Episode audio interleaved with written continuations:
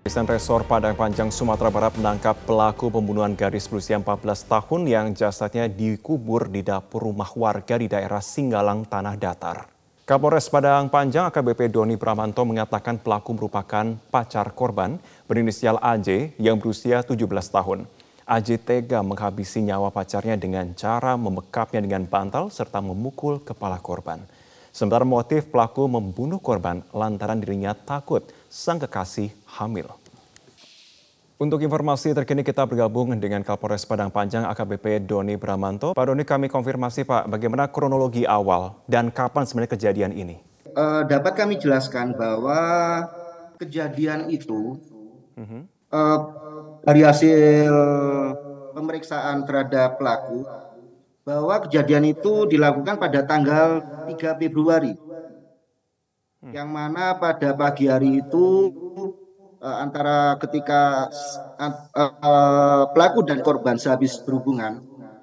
Kemudian di situ karena rasa takutnya kalau korban akan hamil, maka timbullah niat, timbullah niat dari si pelaku untuk menghabisi nyawa korban.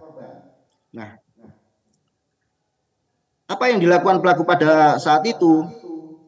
Jadi pelaku menggunakan bantal, kemudian menutup muka dari korban selama beberapa menit. Kemudian setelah itu bantal diambil, dilepas. Karena pelaku melihat bahwa korban masih bernafas, mhm. pelaku kemudian mencekik korban. Nah, dengan menggunakan kekuatan pelaku mencekik korban selama beberapa waktu Kemudian pelaku juga melihat bahwa rupanya korban masih bernafas.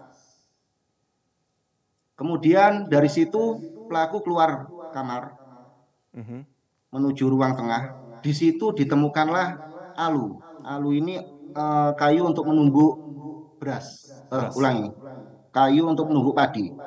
Nah, kemudian pelaku mengambil alu tersebut masuk kembali ke dalam kamar, diantamkannya lah kayu itu ke korban, tepatnya di sebelah kiri kepala korban. Pada saat itu pelaku melihat korban itu mengeluarkan darah mhm. dari hidung, dari mulut. Nah, kemudian karena pelaku sudah memastikan bahwa korban tidak bernyawa, dia lalu menuju ke dapur untuk mengambil eh, apa itu namanya pacul. Nah, kemudian pelaku menggali menggali tanah di dapur itu karena kan kebetulan dapur masih belum terplester. Ya. Nah, kemudian dia gali tanah itu, kemudian dia kembali ke kamar mengangkat si korban karena nggak kuat akhirnya diseret diseret menuju ke lubang yang sudah digali itu. Oke. Pelaku kemudian memaksakan korban untuk masuk di dalam lubang itu. Setelah itu dikubur kembali dengan menggunakan tanah galian yang tadi digali oleh si pelaku. Demikian mas untuk kronologinya mas. Oke.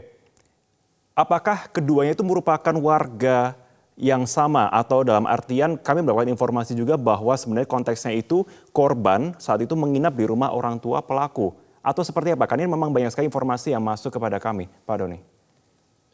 Betul. Jadi uh, antara pelaku dengan korban uh, ini sempat beberapa kali bermalam. Nah, bermalam baik di rumah uh, korban maupun di rumah orang tuanya dari si pelaku. Hmm? Karena pada tanggal 2 ulangi dari tanggal 1 1 Februari 1 mhm. Februari rupanya si pelaku ini membawa korban untuk menginap di rumah orang tua dari pelaku kemudian tanggal 2 nya si ibu dari pelaku menyuruh mhm. mengembalikan eh, ulangi menyuruh memulangkan korban namun sebelum sampai ke Padang pas di tengah-tengah perjalanan pelaku membujuk membujuk korban untuk kembali lagi ke Singgalang untuk bermalam di rumah uh, nen, uh, rumah tantenya yang sudah kosong beberapa bulan. Kemudian mereka berdua menginap sehingga esok paginya kejadianlah itu.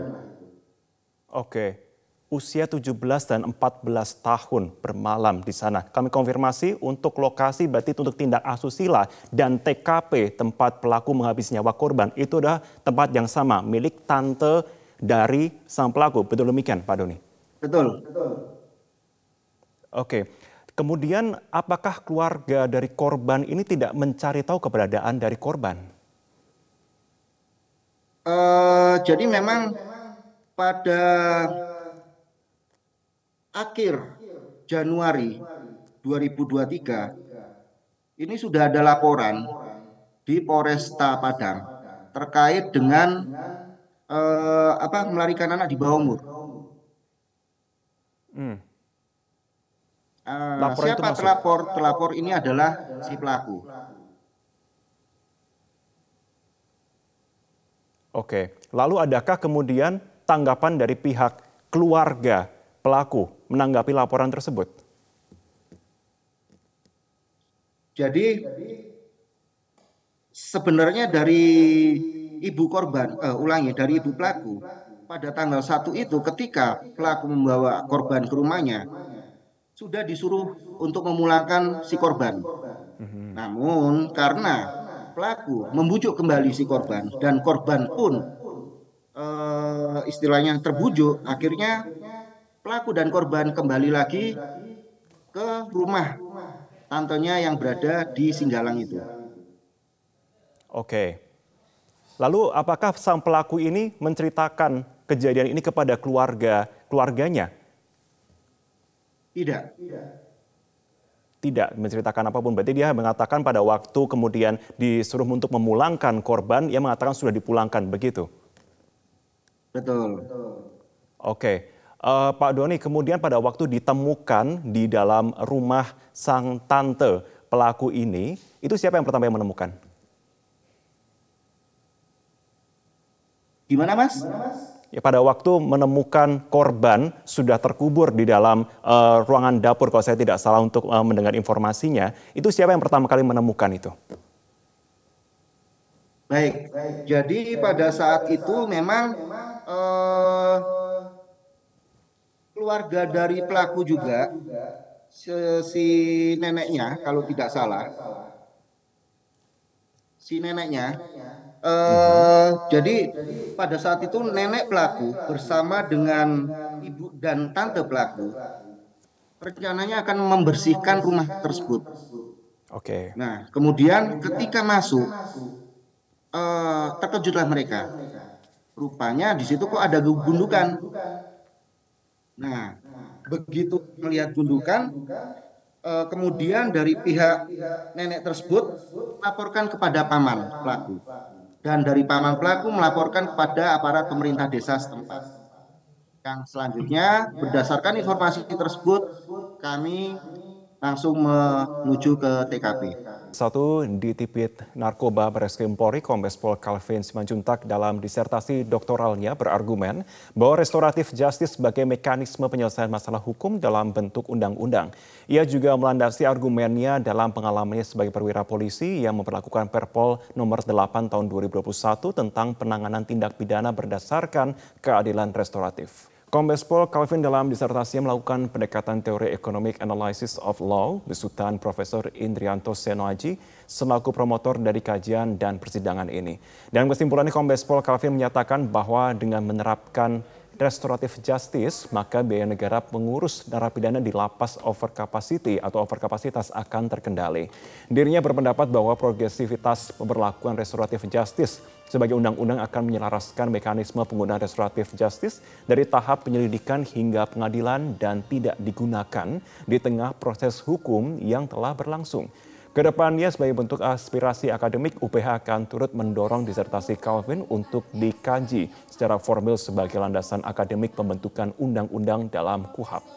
Dalam penulisan dan interpretasi akademik yang sempurna, Kombes Pol Calvin Simanjuntak memperoleh predikat nilai sempurna dengan IPK 4,0. Informasi saya terkait restoratif justice. Karena menurut saya itu penting untuk ke depan harinya. Mengapa? Karena saat ini restoratif justice sudah dilakukan, namun peraturan teknis sajalah yang mengaturnya. Belum diangkat ke atas, belum dinormakan sebagai undang-undang.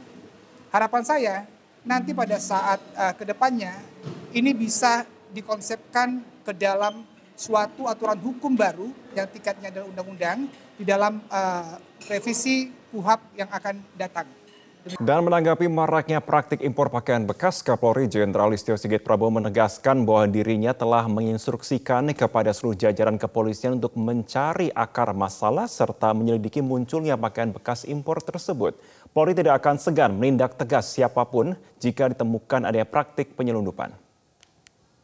Sudah saya perintahkan seluruh wilayah yang terkait dengan pintu-pintu masuk di Cukai untuk dilakukan pemeriksaan. Dan kalau nanti kedapatan ditemukan ada penyelundupan yang memang itu dilarang oleh pemerintah, saya minta untuk ditindak tegas.